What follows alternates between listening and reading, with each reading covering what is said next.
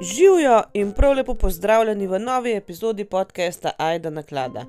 Najprej srečnega pozdravka, res se želim vam eno lepo novo leto, srečno naj bo, zdravo naj bo. Lani se mi zdi, da je bil let tak, da za veliko ljudi je bil res grozen, tudi s temi poplavami in z vsem, za druge je bil pa tak.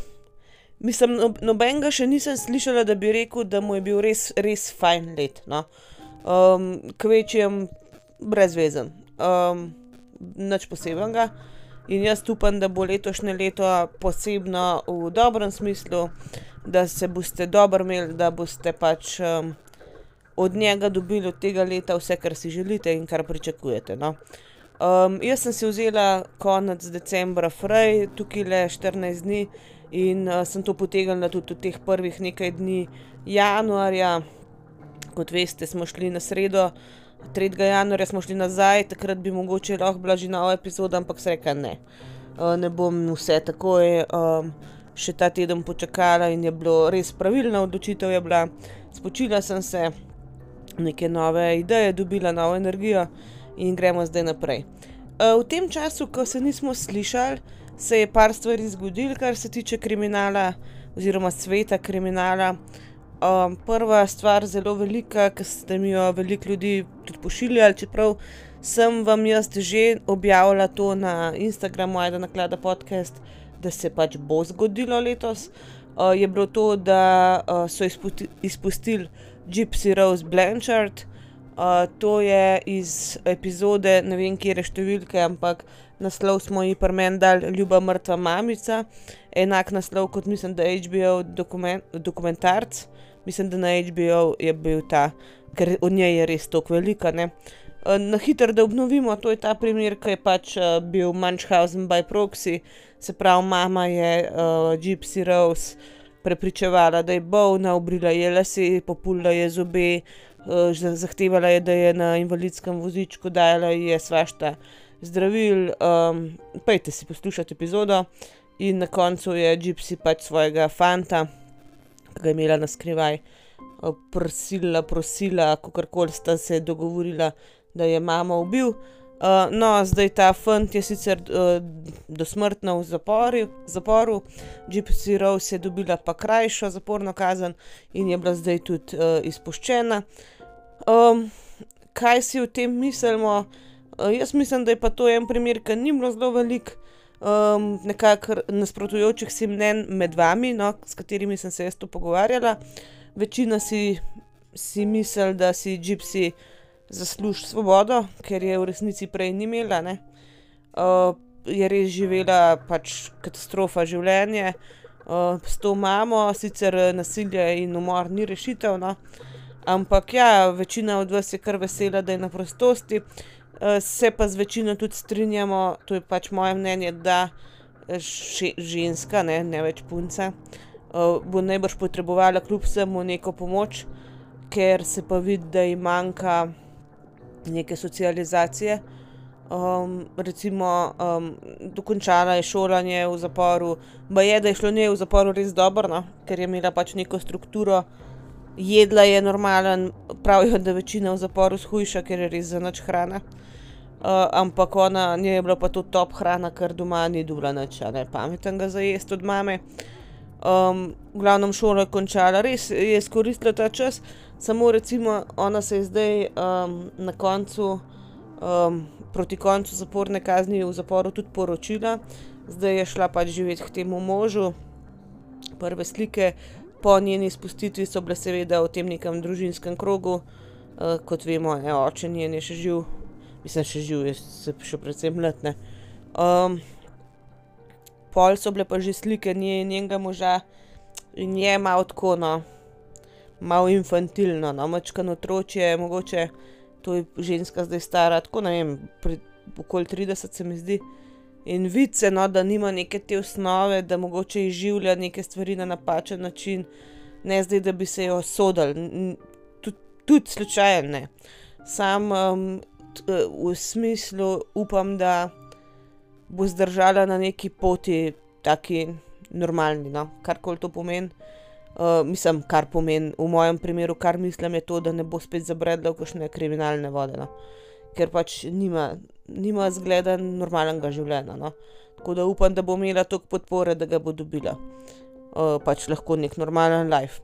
Uh, zdaj, druga stvar, ki se je pa zgodila v prvih dveh januarja, je pa bilo, da je bil pogojno izpuščen Oskar Pistorius.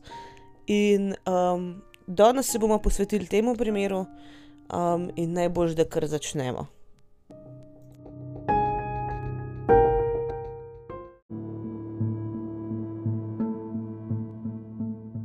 Zdaj, a veste, tiste pregovorno slabe um, kartice oziroma voščilnice za Valentinovo, um, Roses are red, Violets are blue in tako naprej. Ne? Sem jaz slišala eno tako črno humorno enkrat. Uh, Roses are red, Violets are glorious, don't try to surprise Oscar Pistorius. In mislim, ni smešen, kar se je zgodilo, ampak danes se bomo prav o tem pogovarjali, kaj se zgodi, ko njega presenetiš, allegedly. Uh, in sicer uh, pogovarjali se bomo o umoru njegovega dekleta, Rive Stinkamp. Uh, ki je bila umorjena na Valentinovo leta 2013. Uh, ampak preden začnemo s samim kriminalnim dejanjem, najbolj, da se najprej posvetimo obema našima akterjema, jo mačkam bolj spoznamo, da bomo potem lahko lažje zgodbo sestavili. Zdaj, Oskar Pistorius je bil res ena zvezda, nekako pa, para športa, na splošno športa invalidov, se mi zdi, da prva res tako velika zvezda z tega področja.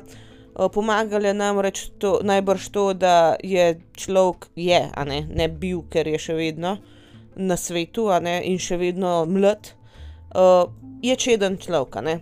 Uh, žal smo ljudje tako narejeni, da ko pomislimo na recimo invalide, uh, špo, športnike invalide, Um, ima veliko ljudi še vedno pred očmi specialno olimpijado, kjer so ljudje uh, z motnjami v duševnem razvoju, recimo, um, z drugačnimi oblikami uveranosti, medtem ko na um, pač, uh, pač paralimpijskih igrah um, so pa ljudje samo, v narekovaju, z um, fizičnimi invalidnostmi, mislim, da neka kategorija, kategorija je tudi za pač, ne, um, motnje v duševnem razvoju, ampak zelo malo. Teh kategorij na paralimpijskih igrah je ogromno, jaz ne bom šla zdaj v te podrobnosti, ki jih tudi sama veliko ne poznam. Uh, ampak ja, se razvrščajo različne kategorije in veliko, veliko teh športnikov niso ljudje, ki so čist na prvi pogled uh, uverjeni, ki so, ki je z njimi v narekovajih nekaj narobe. Ne? Zdaj, ljudje so velikrat, ko so pomislili, športnik invalid, imeli pred očmi en poster specialne olimpijade uh, z neko osebo z Downovim sindromom, ki zelo, ne vem, nasmejana teče v cilj. Um, kar je čudovit prizor, ki ga vidiš na specialni olimpijadi, ki pa ni enako kot paralimpijske igre.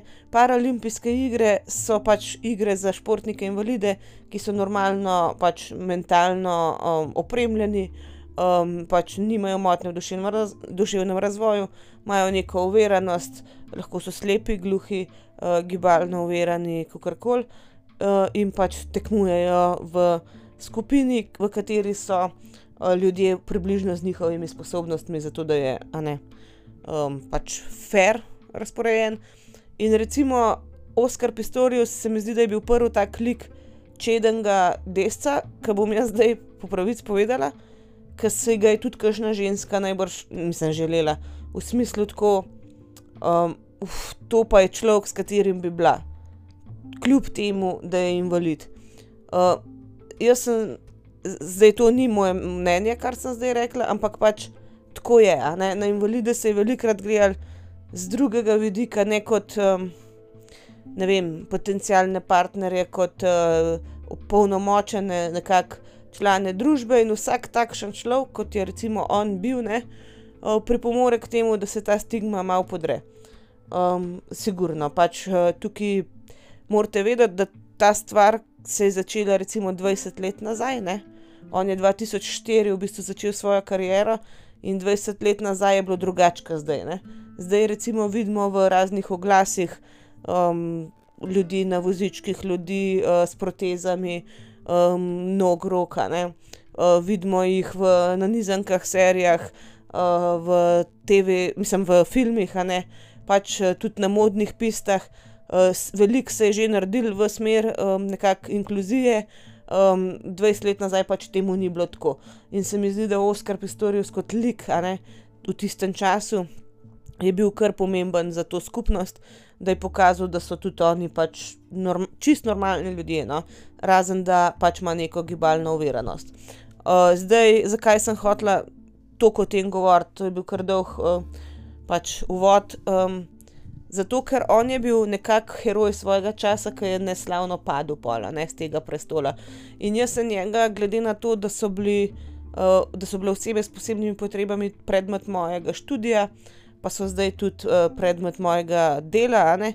sicer drugač, z drugačnimi overenostmi kot je on. Uh, je on meni bil vedno zanimiv, ne? v smislu, vedela sem, da obstaja, ved, poznala sem močko njegovo kariero. In uh, sem ga spremljala, preden je do tega prišlo. In ko je do tega prišlo, je bil to kar velik šok za vse. Ker um, še ena stvar, mogoče zdaj, da jo povem, ti, ti ljudje so velikrat um, označeni za heroje, za sončke, recimo naši otroci, naši učenci, za izjemne osebe, samo zato, ker so. Ker pač samo ker obstaja, ker živi normalno življenje s svojo verenostjo, mu je že dodana, uh, pač pridodana neka vrednost uh, sama po sebi, brez da ti izveš, kakšna je ta oseba pač je. Uh, slišala sem že tudi z ust samih um, invalidnih oseb, da jim to ni všeč, da je to v resnici tudi pozitivna uh, diskriminacija, ki prav tako je diskriminacija. V smislu, da ti si tako pogumen, ti si takšna inspiracija, ti si takšen to, ti si junaka. Uh, Medtem ko ta oseba ni, recimo, nič dosegla takšnega, uh, s čimer bi recimo ena oseba, kot sem jaz ali pa večina vas, ne, ki nimate pač uh, invalidnosti, uh, prišla do tega, da bi mu nekdo rekel, da je junak, da je nekaj posebenega. Ne. In uh, mi je rekel ta kolega, da v bistvu s tem, ko ti nekdo vse čas prepričuje, da ti si super, ti si junak, ti si to in uno, um, ko imaš pač neke slabe trenutke, uh, ko se ti ne počutiš v redu o samem sebi, um, se počutiš zaradi tega še slabš. Ker te nekako okolica ti kar pripiše, da si ti nekaj izjemnega, ti bi bil pa včasih rad samo en navaden človek. In, um, in nisi nič posebenega, če si se rodil, recimo, brez neke okončine uh, in če s tem živiš. Pač, um, ja, so vmes zelo navdihujoče zgodbe, kakšna je pa čist navadna. In ti ljudje pač si zaslužijo enakopravno obravnavo v obe smeri. Ne? Se pravi, ne da, um, ne da se jih ponižuje, ne pa niti da se jih poveličuje v neke like, um, s, kate, s čemer recimo mi tudi neko svoje nelagodje zdravimo, da uh, namesto da bi se soočil s težavami, ki jih ima ta oseba. Ali pa recimo sploh pogovarjajo z njo o nekih um, njegovih, njenih pogledih na življenje, rajš rečeš, oj, ti si tako pogumen, ti si tako faca, zato ker živiš tako lepo, in, in s tem zaključiš. Vse to jaz ne vem, sem omenila v podkastu o spodbojevalcu, ki je meni enkrat rekel en sošolc v gimnaziji, recimo ti moji sošolci, mislim pa prijatelji odprej. So jih tako od majhnega spremljali, ker sem dubla spodbojevalec, ni bilo nič posebenega, pač še ena operacija, to je to jim ni bilo več tazga. Ti ljudje, ki so pa na novo zvedeli to zgodbo, so pa včasih bili tako presenečeni. Mal. In mi je en sošolc enkrat rekel, jaz sploh ne morem verjeti, da si taka, ne pa tako, ja, kaka pa, pa pravijo, da se kar smejiš, pa tako. Pa tako zaradi česa, ja, ker imaš spodbojevalce in sem si mislila. Je, ampak on je to tako rekel, ne v negativno, ampak kako si faca, ki se kar smejiš. In jaz sem lahko pa, ne pa če s tem normalno živim. In um, kva, sploh nisem razumela, zakaj se jaz ne bi smejala zdaj. Ne?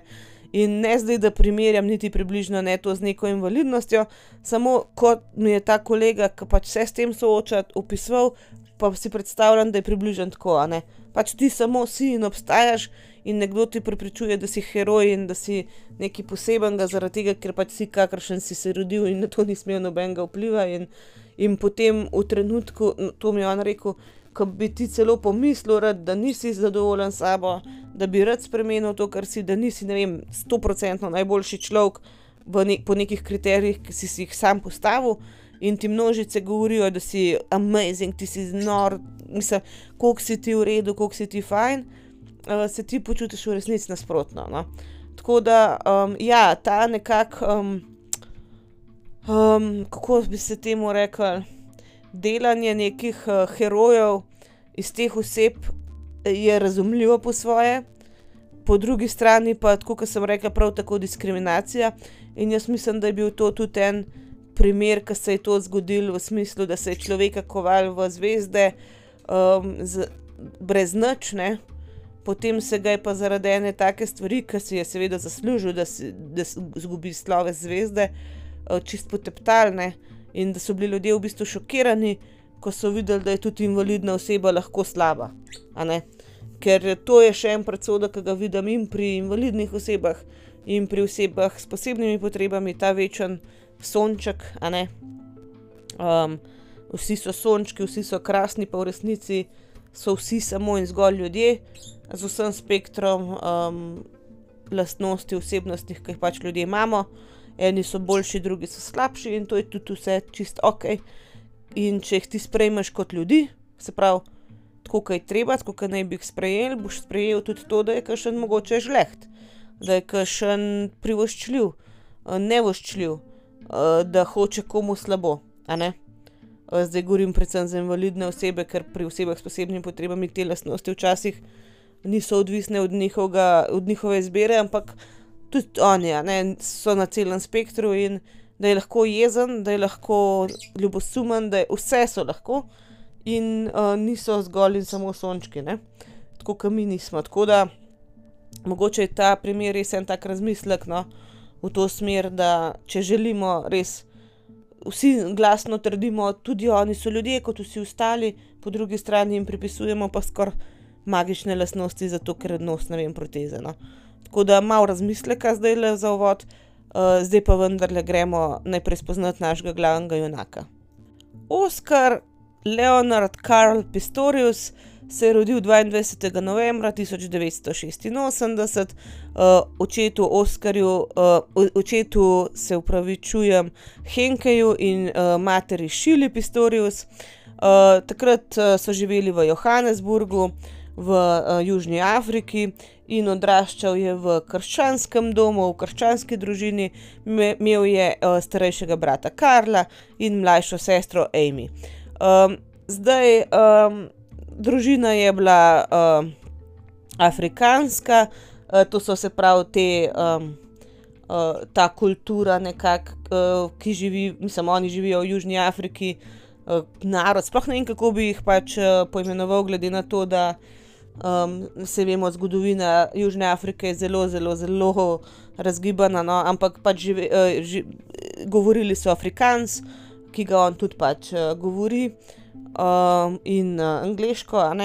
Uh, bil je pa njegov dedek Italijan, ki je emigriral v Kenijo najprej, potem pa v Južno Afriko, tako da je imel tudi italijanske korenine.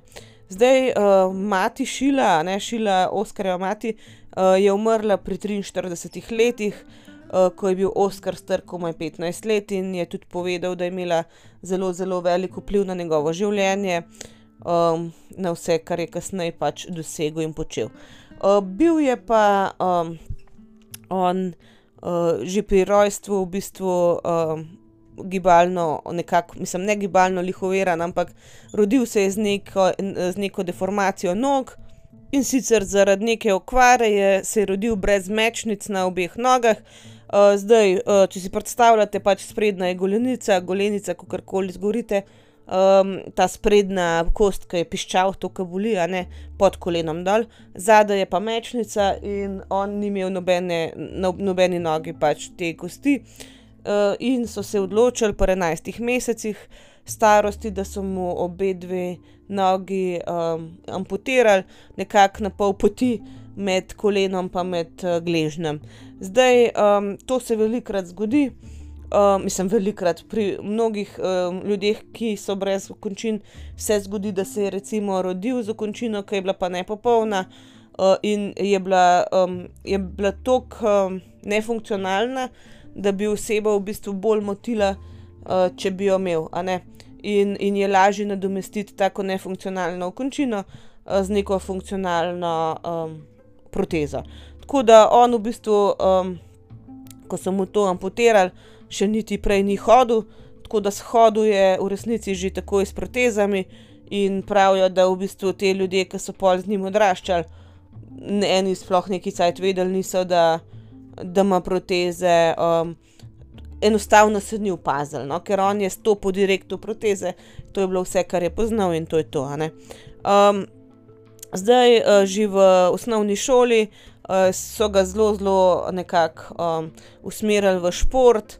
Mogoče bi sam to povedala, da starša sta bila lastnika nekega rudnika cinka, se mi zdi, no, nisem sigurna, če cinka, mislim, skoraj 100%, da je bil cink. No, in so bili kar precej premožni, tako da so mu tudi omogočili dobre proteze. No. To moram pač poudariti, ker um, leta 86 um, proteze niso bile tako, kot zdaj. Ne. Zdaj so res stvari drugačne, kot, kot so bile včasih. Ampak ja, samo mu lahko prvo šla nekaj dobrega, mislim, da je bilo najprej iz nekega. Um, no, se nima veze. Najprej je imel te čist, um, reče se peg, ne, um, v bistvu sem palce, ne, proteze v obliki palc, kot kapitan Kluka na mest noge, recimo, ki ima sam palco. Um, no, takšne je imel najprej, brez stopala, hočem reči. No. Kar, kar mogoče sam še ta medklic, on je koleno imel, kar je zelo, zelo ok, kar se gibljivosti tiče. To ste najbrž na tečaju prve pomoči že slišali da v bistvu pri protetiki vsak sklep zelo velik šteje. Zato, če je kdaj kakšna odtrganina uda, eh, vedno skušaš pod, pod, podvezati pod sklepom. Recimo, če se uh, v mečih odtrga nogo, probaš res pod uh, uh, izmrhovo prevezo narediti, da ne odmre koleno, da se koleno ohrani, ker je koleno zelo, zelo pomembno pri hoji, pri gibljivosti, pri tudi uh, obliki koraka, naprimer. Eh, če ti upogneš koleno ali pa če imaš nogo celo trdo, recimo, če kolena ne bi bilo tako, da sam še ta medklica, evo, zdaj gremo pa naprej.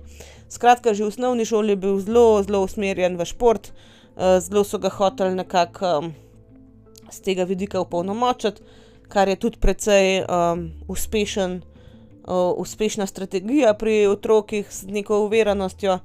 Uh, Kaj ti veliko stvari v življenju pač jim ni omogočenih, recimo zaradi te uvere, pa jim omogočaš, da se nekaj druge dokažejo. In uh, on je najprej uh, dejansko bil v rugby ekipi, takrat šolski, uh, vaterpolo je igral, tenis je igral, uh, celo mačkan uh, se je poskusil v wrestlingu, se pravi v rokoborbi. Uh, je pa uh, kasneje imel neko nesrečo, pri, uh, mislim, poškodbo športno pri rugbiju in uh, se je zaradi tega umaknil z tega športa, poškodoval si je takrat koleno in je se usmeril v tek. Uh, zdaj uh, treniral je tudi sicer v eni uh, uh, pač telovadnici pri nekom v Pretoriji. Um, In je ta človek, ki je to pač bil lastnik tega, rekel, da je šest mesecev porabil, da je sploh opazil, da človek nima nog, ker je bil čist um, mislim, večino vaj je delal popolno ali pa še boljš kot drugi, uh, na treniru se je, ne pač on se je v tem svojem, v tej svoji neki, um, v so, svojo smer se je res popolno, um, nekako, mislim, izpopolno se je čist do, do konca. Ne. Zdaj, tako kot sem rekla, po tisti resnejši poškodbi kolena, junija 2003, se je uh, v bistvu spoznal malo boljš s tekom uh, januarja 2004, v bistvu v času rehabilitacije po tej um, ne, poškodbi.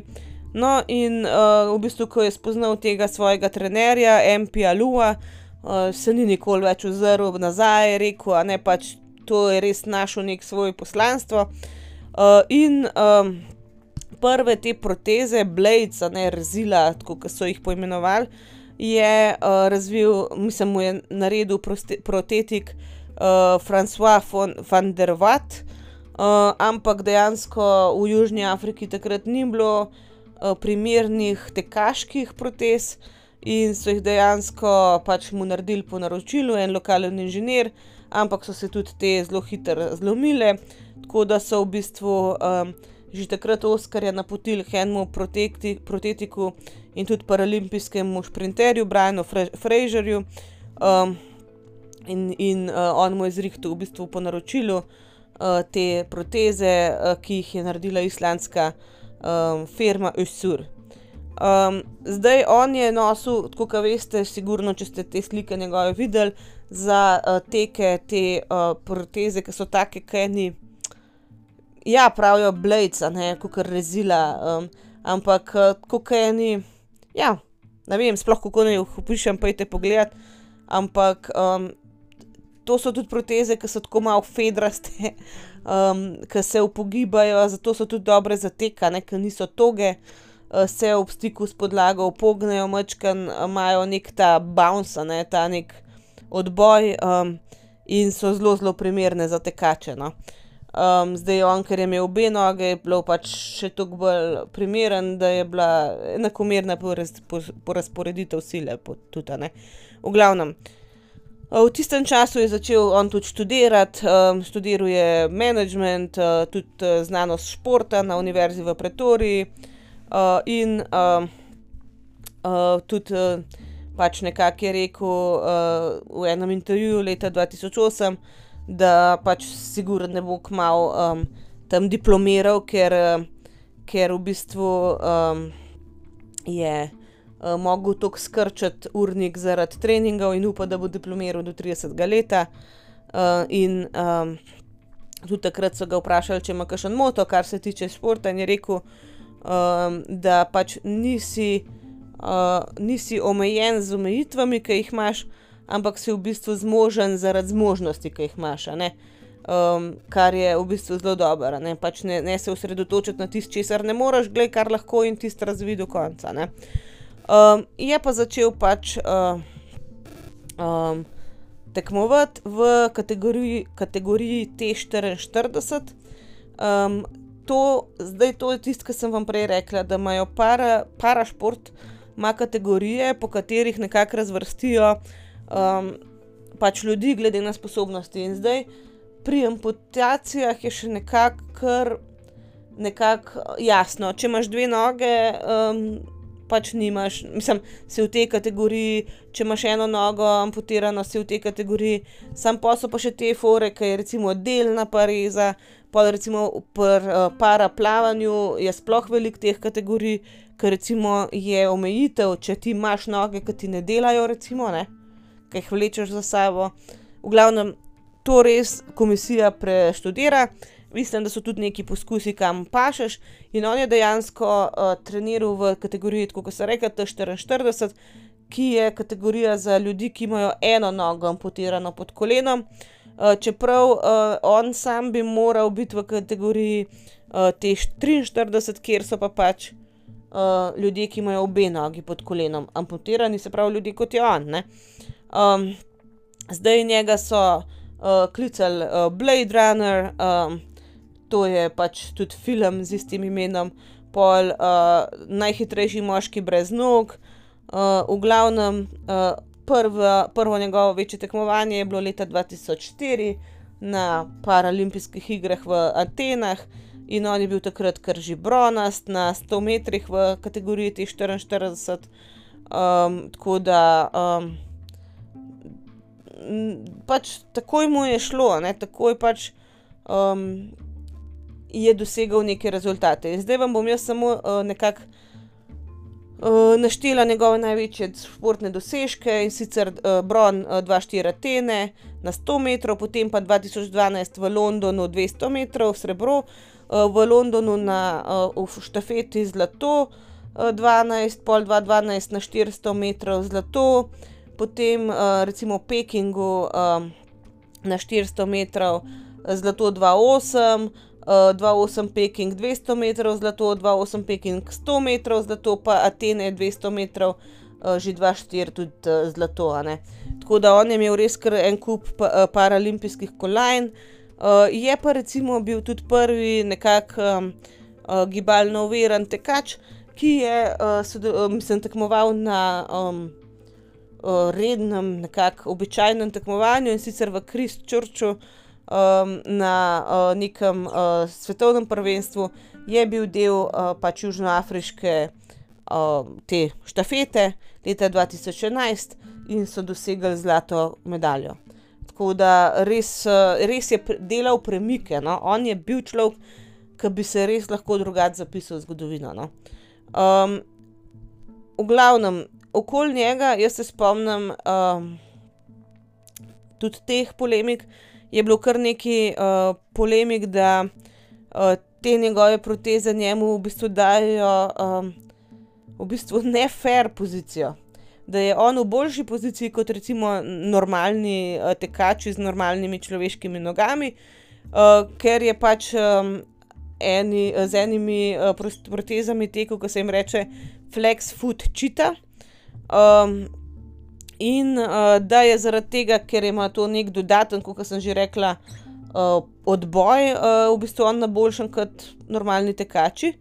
Uh, zdaj, um, potem so do, sprejeli neko pravilo, da pač karkoli uporabljaš na teh tekmovanjih, ne sme imeti ne uh, kolesc, um, recimo um, teh um, vzmeti, karkoli, kar bi recimo tekmovalcu nek, um, neko prednost lahko dal. Uh, tako da, um, recimo, to ni bilo sicer direktno na njega takrat uh, naslovljeno, sam pač ja. Eh, njegove uh, teke so oni redno spremljali, opazovali, preračunavali, um, v glavnem, in um, ja, uh, potem se je ta stvar pomirila nekako. No. Ugotovili so namreč, da sicer on ima neke prednosti, uh, da naj bi porabil med 25 in uh, 30% manj energije za tek kot uh, pač normalni tekači z dvema nogama. Uh, to je šlo na sodišče, ker pač potem se nekako tudi njegove dosežke lahko iznič, ampak so v bistvu pol ugotovili, da na štartu in na cilju ima pa on tok um, v bistvu omejitev zaradi teh nog, da se pol to nekako izenačno. Da tudi če vmes recimo njemu malo pomagajo, je tok težji za njega štart, pa sam cilj da v bistvu ni, da je fair, to je sodišče potrdilo.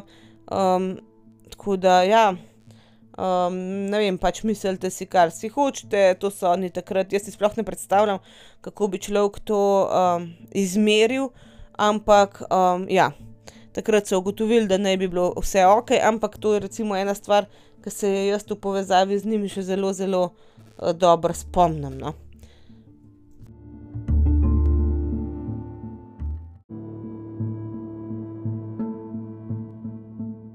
No, zdaj pridemo pa še do naše druge junakinje tega, uh, te zgodbe, do Rive Stinkamp. Uh, Riva Rebeka Stinkamp je bila rojena 19. augusta 1983, tri leta starejša od Oskarja.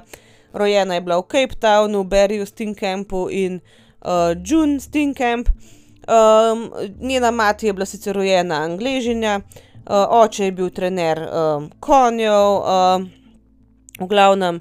Uh, družina je imela eno tako normalno življenje, uh, ona se je upisala na univerzo, je tudi uh, um, pač um, doštudirala pravo tam uh, in je bila nekakšna pravna svetovalka, je pa več ali manj delala kot fotomodel, kot pač manekenka. Um, in, um, in je šele kasneje, no, ali tam nekje pri 30-ih, ta pravniški spit opravila. Um, bila je zelo, zelo uspešna manekenka, pri 14 letih je začela um, in potem se je začela delati tudi na televiziji, razne vdaje, vodila določenih uh, teh um, resničnostnih šovih, je nastopala, bila pa zelo lepa punca.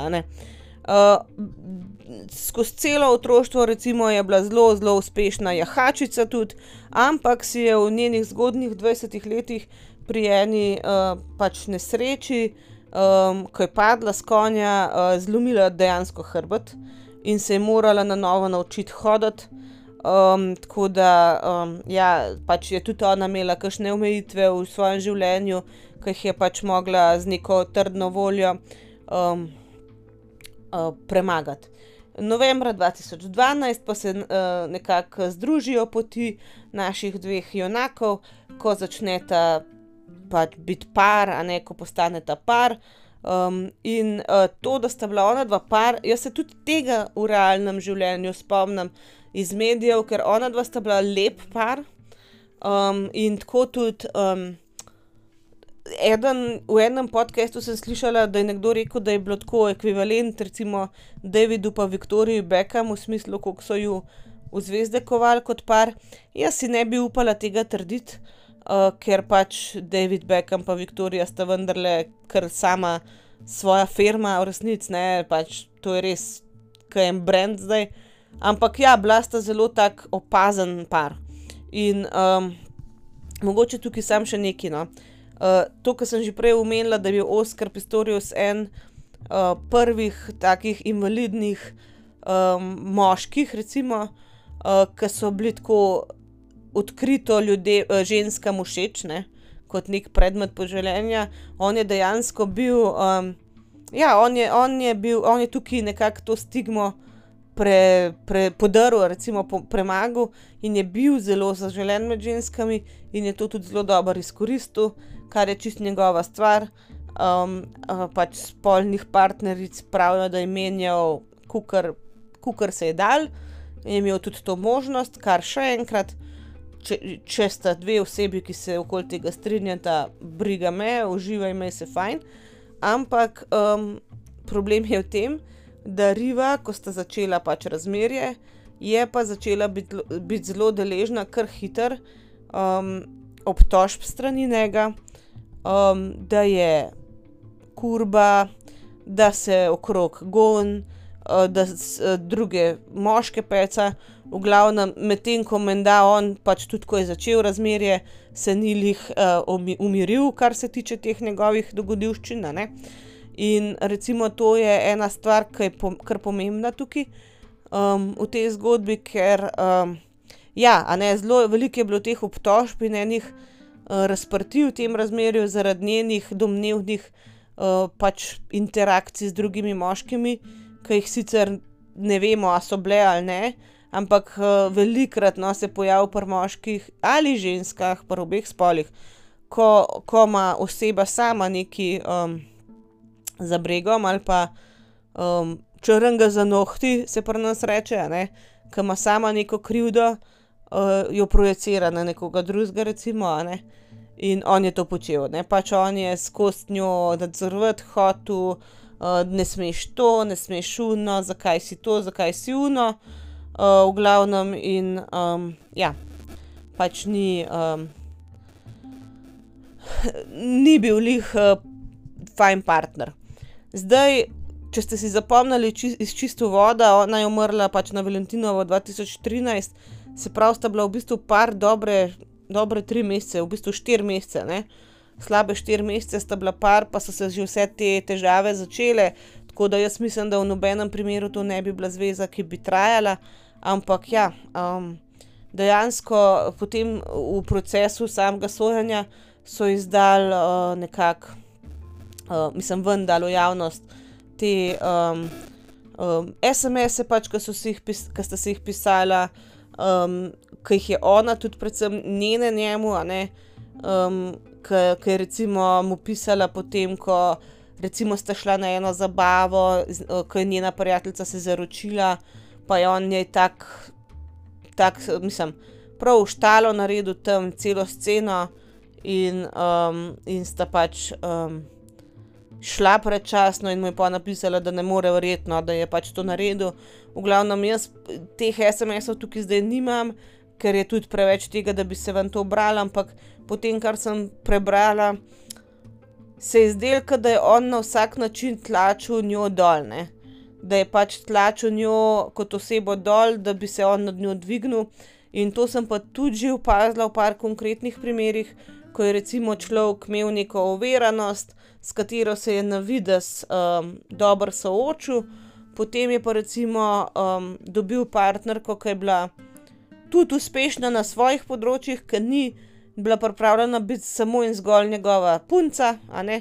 Um, jo je pa imel v bistvu um, ves čas potrebo nekako dol znižati, da se je čutil še vedno vreden ga nje. A ne, ker kakorkoli je človek odraščal, recimo v nekem spodbudnem okolju, pa je bil že od majhnega na primer uspešen, takšne, oviranosti pa tako drugačnost od drugih, pravijo, da zelo pustijo posledice psihološke, ke, ke jih je treba nekako s terapevtom ali kakorkoli razdelati. In se kaže na različne načine, saj to ne bo oseba rekla: težko mi je, ke nimam nog." Ampak bo dala ven na ta način, da bo ves, ne vem, življenje imela potrebo, govorim zdaj za Oskarja, ne, imel potrebo celo življenje nadvladati partnerko, na primer, ne. Da je on boljši od nje, zato da ne bi slučajno bila ona vsaj enako dobra od njega, ker bi se on mogoče čutil manjvreden. Tako da ja, to, to je kar pogost pojav, in tako iz teh messagov sem res videla, da je bila ona tako pač: "Kaj je s tabo?" mislim pa tudi malo v smislu, zakaj je meni tega treba, ker je bila ona dovolj lepa, uspešna in pametna ženska, da pač res ni bilo, pač ona je bila v tej zvezi ne zato, da bo: jaz sem pa v zvezi z Oskarjem Pistoriusom." Ampak ker ga je imela očitno rada, ne zato, ker bi iz te zveze nekaj pridobila ali pa bi se futrala s tem, da on pa je pa njo izbral, ke je pač toliko priljubljen in ne vem kaj, ne. No, kakor sem že malo omenila, ne, to razmerje med Rivo pa med Oskarjem je imelo, to razmerje je imelo kar nekaj teh opozorilnih znakov, da pač stvar ni ne. Zdaj že, če se v treh mesecih toliko za take stvari pričkaš, veš, da ne bo šlo, ampak recimo Riva, naj bi dejansko, to so iz dokaznega gradiva pač na sodišču predložili, jaz ne vem zdaj, so bili to maili, messagi, kakorkoli, direkt njemu rekla: "Glej, včasih se te prav bojim, a ne." Pač, da bala se za svojo varnost, a ne.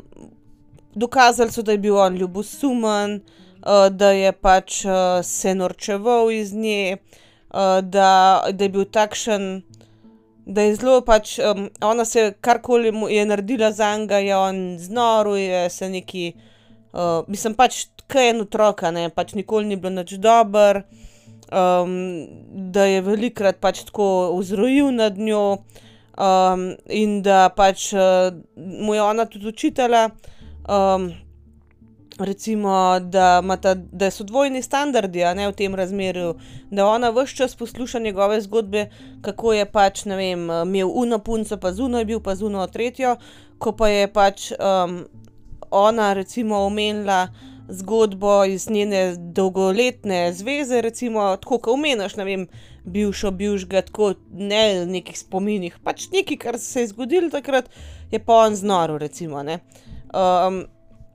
v glavnem, da jo je ves čas, da ji je očital, da je z drugimi se spogledovala, in, v glavnem on je pa velikokrat pol odgovoril v smislu: "Ja, sem mislil, da si me pustila samega."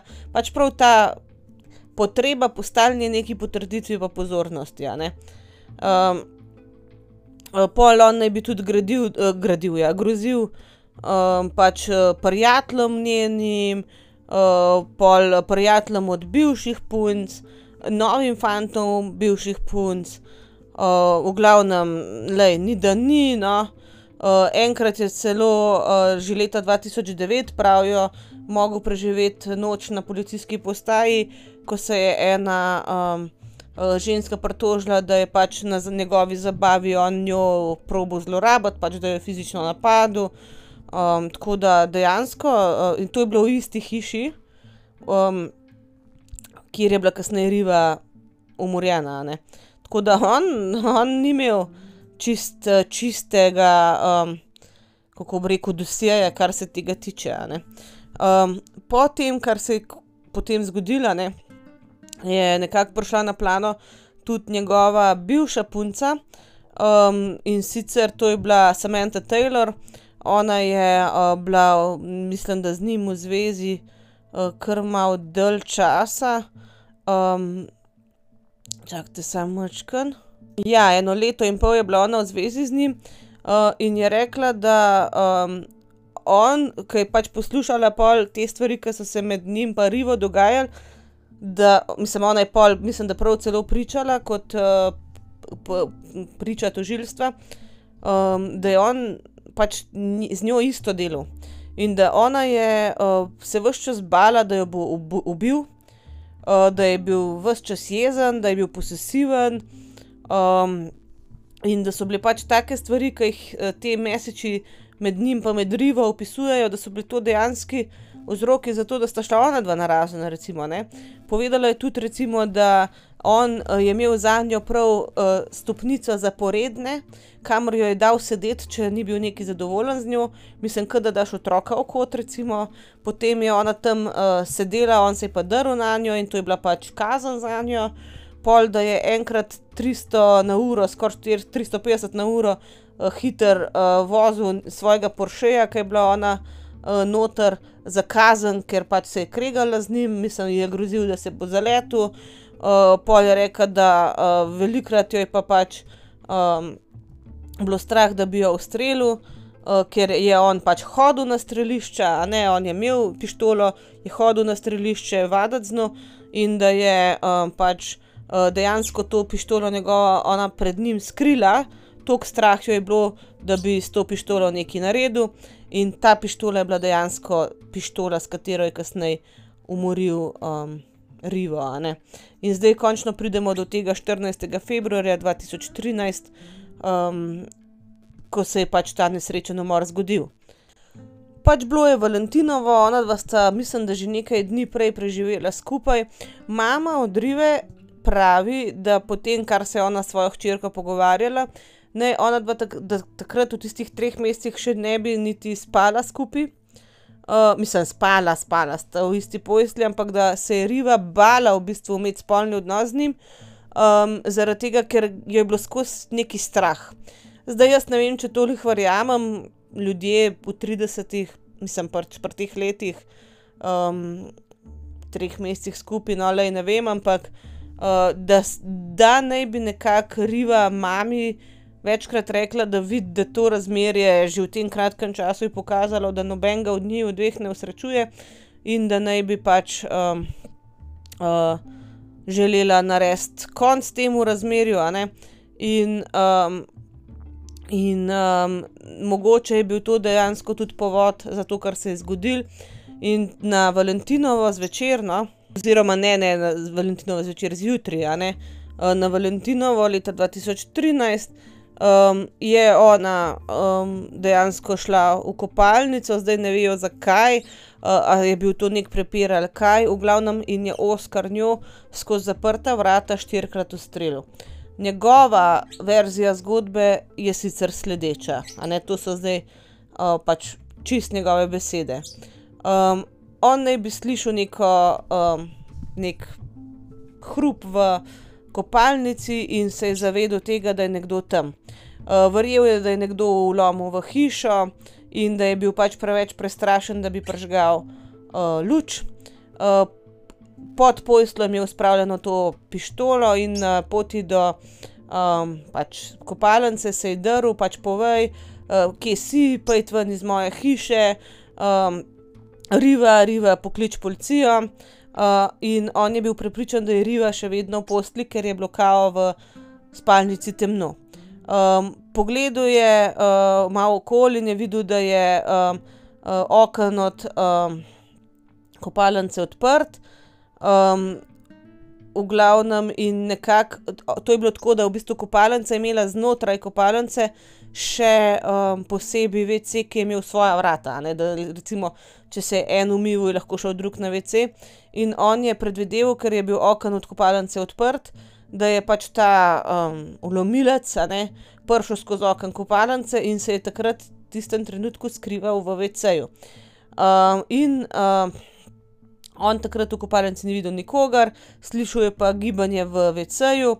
Uh, in uh, povedal je, da pač je bil res napolnjen z, neki, z neko grozo, strahom. Uh, mislil je pač, da so prišli noter, uh, ni imel na sebi uh, protez, a ne pač bil je brez protez, ker je, um, ker je spal takrat, ko se je to dogajalo.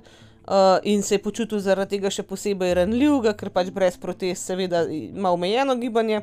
Uh, vedel je, da naj bi rabil pač on zaščititi sebe in rivo, in um, je pač, a ne, verjel, da ko pride ta ulomilc ven iz, uh, iz VC-ja, da bo pač on v veliki nevarnosti. Uh, počutil se je pač um, ujetega ker je bil zaklenjen v to spalnico in je bil pač uh, omejeno gibljiv. In takrat je uh, ustrelil v vrata kopalnice uh, in se vmes še drl, naj riva pokliče policijo. Ona se ni uh, odzvala, on se je nazaj premaknil v, v, mislim, ven iz kopalnice in v um, spalnico, še vedno je gledal vrata kopalnice, da bo videl, če bo kdo prišel ven, vse je bilo temno uh, še vedno ga je bilo strah pržgati luč. In ko je pač uh, prišel do posle, je ugotovil, da rive ni v posli. In takrat ga je v bistvu prešinil, da pač je lahko v um, VC-ju riva, uh, takoj se je pač vrnil v kopalnico, klical njeno ime, uh, probo odpreti vrata, ampak uh, pač so bila um, zaklenjena, on je takrat um, pač odprl ta drsna vrata na balkon, se začel dreti na pomoč, um, potem se je na, nazaj vrnil v, uh, v kopalnico, še enkrat uh, poklical rivo, uh, se drl, odpri, odpri. Uh, spet se je trudil odpreti vrata od VC-ja, ampak so bila zaklenjena od znotraj. Um, v glavnem, um, nazaj je šel pač pol v, um, v sobo, vzel nek uh, ki s tistim kijem za kriketa. Z, uh, je pač uh, naredil nekaj luken v vrata, tako da je uh, nekako skozi uh, segel in odklenil vrata, in potem um, je v bistvu najdel uh, rivo, takrat na, naj bi bil, ne, uh, naj bi bila še živa, ki je bila v bistvu um, prek VC-ja, v bistvu je ležala uh, in ja, uh, hudo, hudo poškodovana. Uh, zdaj jaz moram tukaj samo povedati, no, uh, da um, on je uporabil neke votle naboje, jaz se na te stvari ne poznam, spoznam, ampak razlika je v tem. Da on je te votle naboje uporabljal v bistvu že na strelišču in je vedel, kaj naredijo, ker to je naboj, ki v bistvu uh, ni tako, a ne navadna krogla, pač prestreli telo, lahko se ga prestreli popolnoma, naredi pač luknjo, ali pa ostane v telesu. In če ni na nekem mestu, kjer bi bili neki vitalni organi, lahko, jo lahko pač kirurg odstrani, zašije in to je to.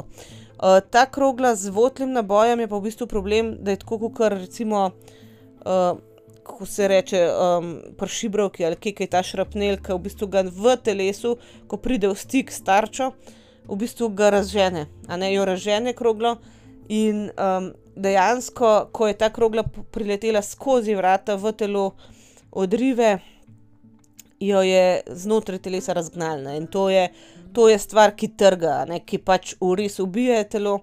In on je recimo to vadil tudi na lubenicah. Uh, in je menda enkrat na strelišču celo komentiral, da je lubenica eksplodirala ne, ob tej krogli v stiku, um, kao, haha, um, če bi kao, se človek v glava, bi pa tudi, ne, če bi pač mogel koga ustreliti.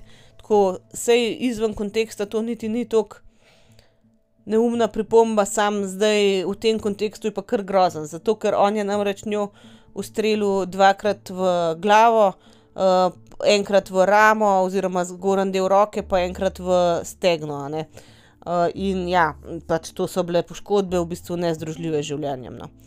Um, zdaj, um, na samem sojenju je uh, njegov uh, sosed od Oskarja, zdaj tukaj bi samo rada še povedala, no, da je to bila ena skupnost, ki je živela v nekem ograjenem. Uh, Območju, to so te skupnosti, ki imajo v bistvu okolje ograjen, ki pač imajo vratarja, ki te more noč spustiti, ki ne more se vsak pred hišo propeljati. Uh, uh, ker pač v Južni Afriki je fulenga kriminala.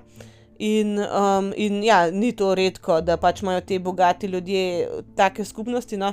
Tako da je že iz tega vidika težko, da nek um, nepovabljen gost not pride. No? Tako da v glavnem uh, sosed, ki je pač prišel prvi na kraj dogodka, je povedal, no, da je uh, on je sicer radiolog, ne, ta sosed in je rekel, da je pač um, šel tja in je najdel njega, ki je molil uh, pri v bistvu truplu odrive.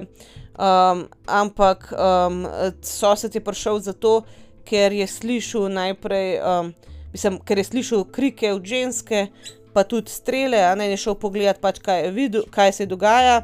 In prva stvar, prav, ki jo se spomne, je um, uh, to, da je pač, ko ga je zagledal Oskar, uh, rekel: uh, Ustrelil sem jo, mislil sem, da je umilc, ustrelil sem jo. Um, zdaj um, ta nekakšen um, upravnik tega posestva, kjer je Oskar živel, je rekel, da je ob 3 uri in 18 minut um, zjutraj ne uh, Oskar poklical in rekel: Prosim, prosim, prid v mojo hišo, ustrelil sem rivo, mislil sem, da je mrtva, prid, prid hiter, prid hiter, prosim. Um, šel je tja svojo. Um, svojo hčerko, ta človek, je najdel Oskarja, ki je prhajal po stopnicah eh, z rivo v svojih rokah, bil je čisti sebe, drl se je, joku je, molu je. Um, in ja, je rekel, jaz sem videl pač resnico, kaj se je takrat zgodilo.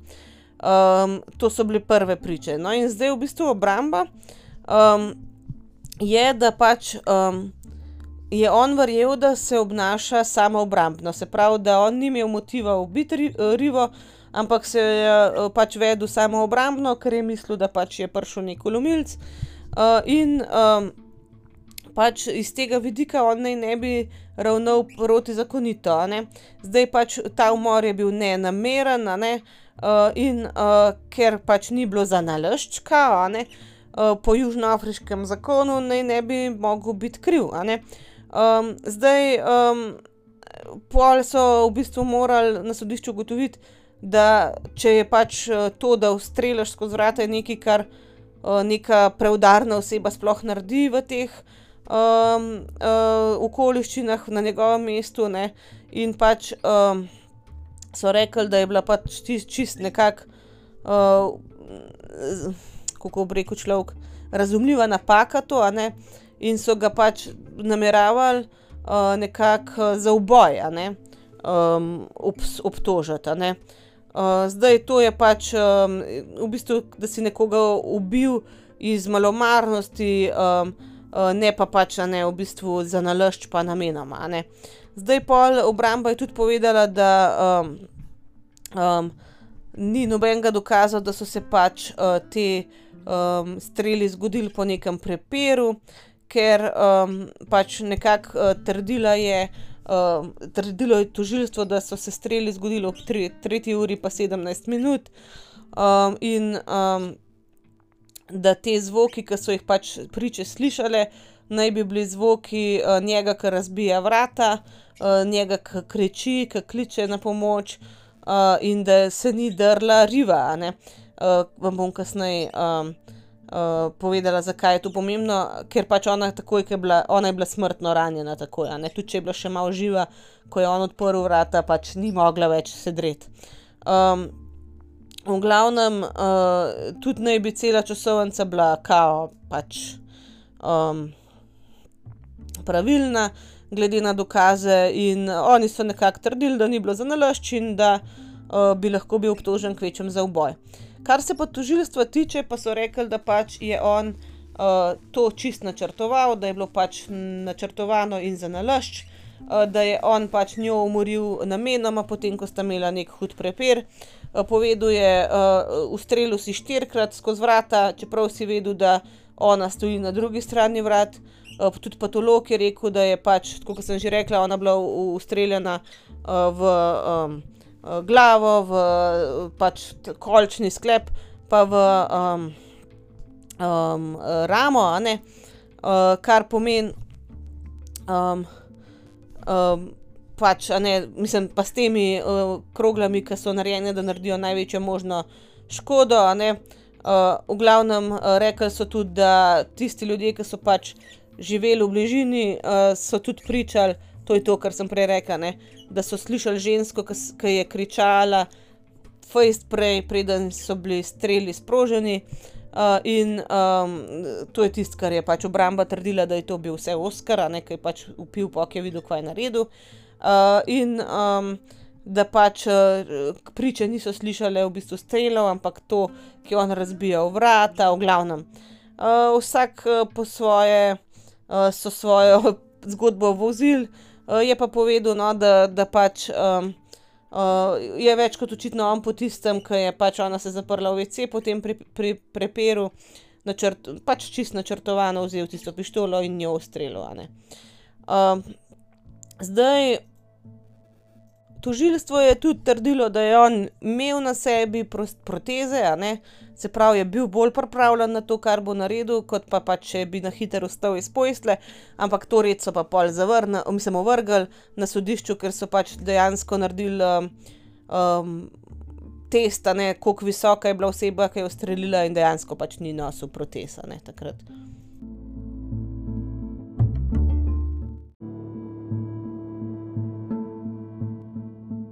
Na sodišču so predložili tudi druge pač, dokaze ali pa nekako um, pač, uh, stvari, ki so vplivali na končno obsodbo. Tukaj so pač nekako um, upoštevali njuno zvezo, pač uh, te mesiče, ki sem jih že omenjala, potem tudi uh, nekako poročanja o tem, da sta se prej prepirala.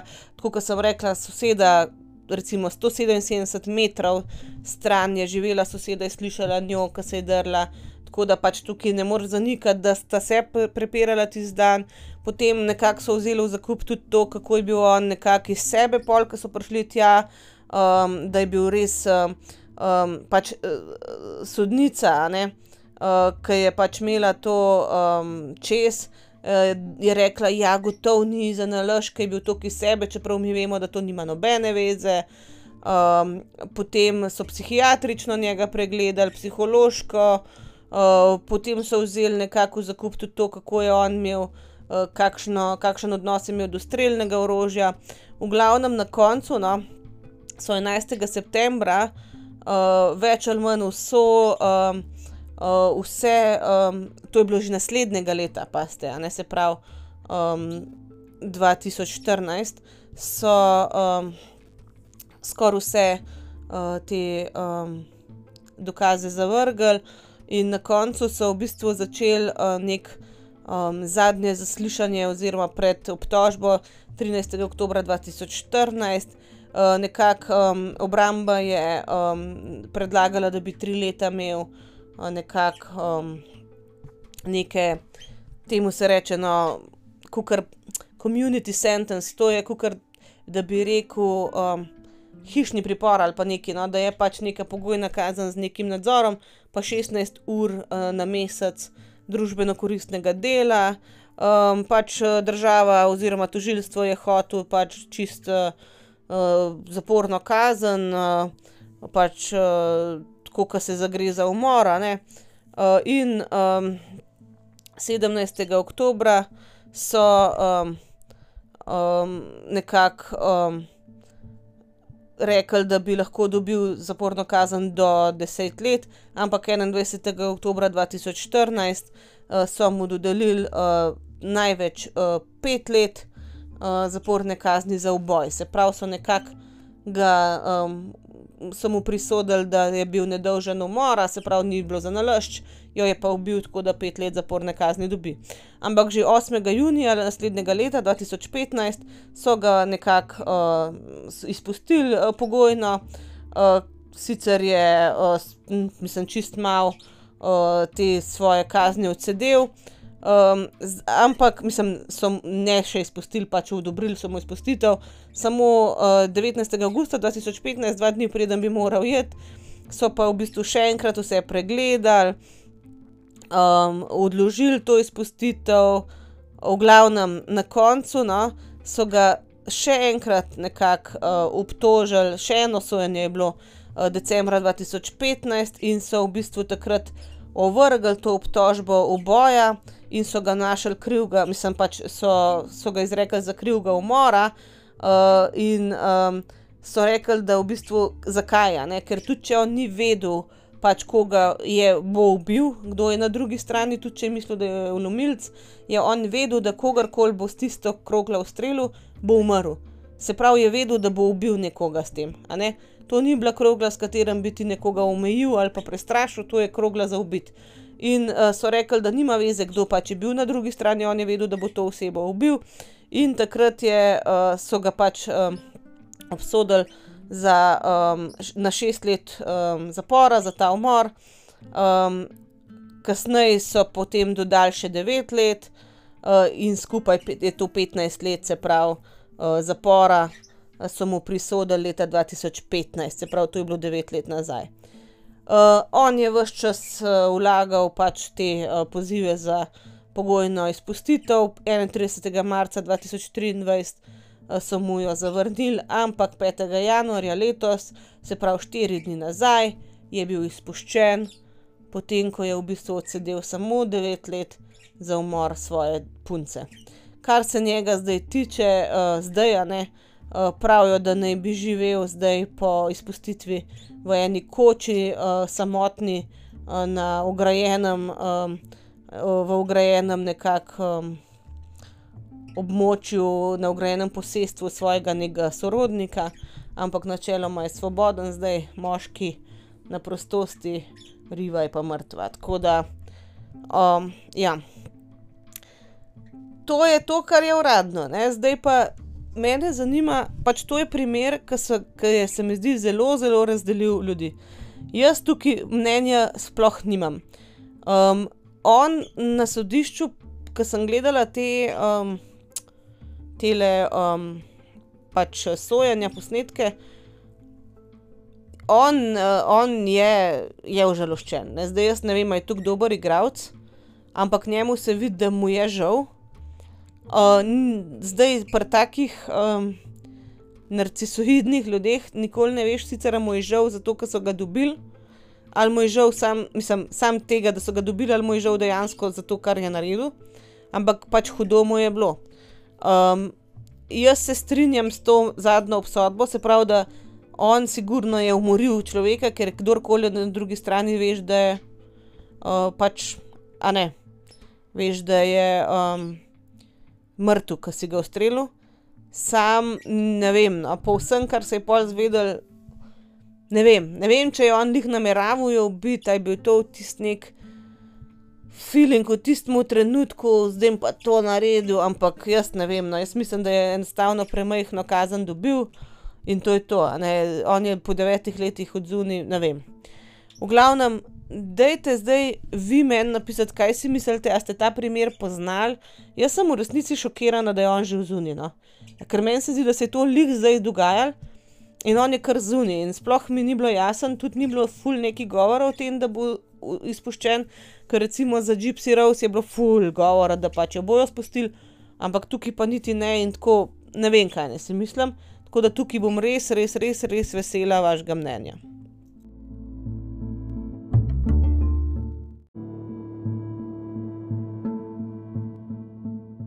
Zdaj za danes je to to, mislim, meni je tukaj v tem primeru sam hudo, ker on bi bil res lahko en dober lik za svojo skupnost, za invalidne osebe, za parašportnike. Res je bil že v bistvu vse to. On je bil nek svoj vrsten heroj, čeprav, kot sem vam že rekel, kaj si v teh herojih mislim. Ne? Sam, uh, mislim, ne kar si mislim, kar dejansko je narobe s tem, da jih tako označujemo. Sam, um, škoda, no, da se je tako končal, čeprav ja spet en dokaz, da ni vse zlato, kar se sveti. Jaz bom ful vesela, če boste prišli na Aida Naklada podcast, Instagram, da še mnenje. Um, povedati, kaj si vi mislite, drugače pa se sicer poslušamo naslednji teden. Um, ostanite do takrat varni in zdravi in čau, čau.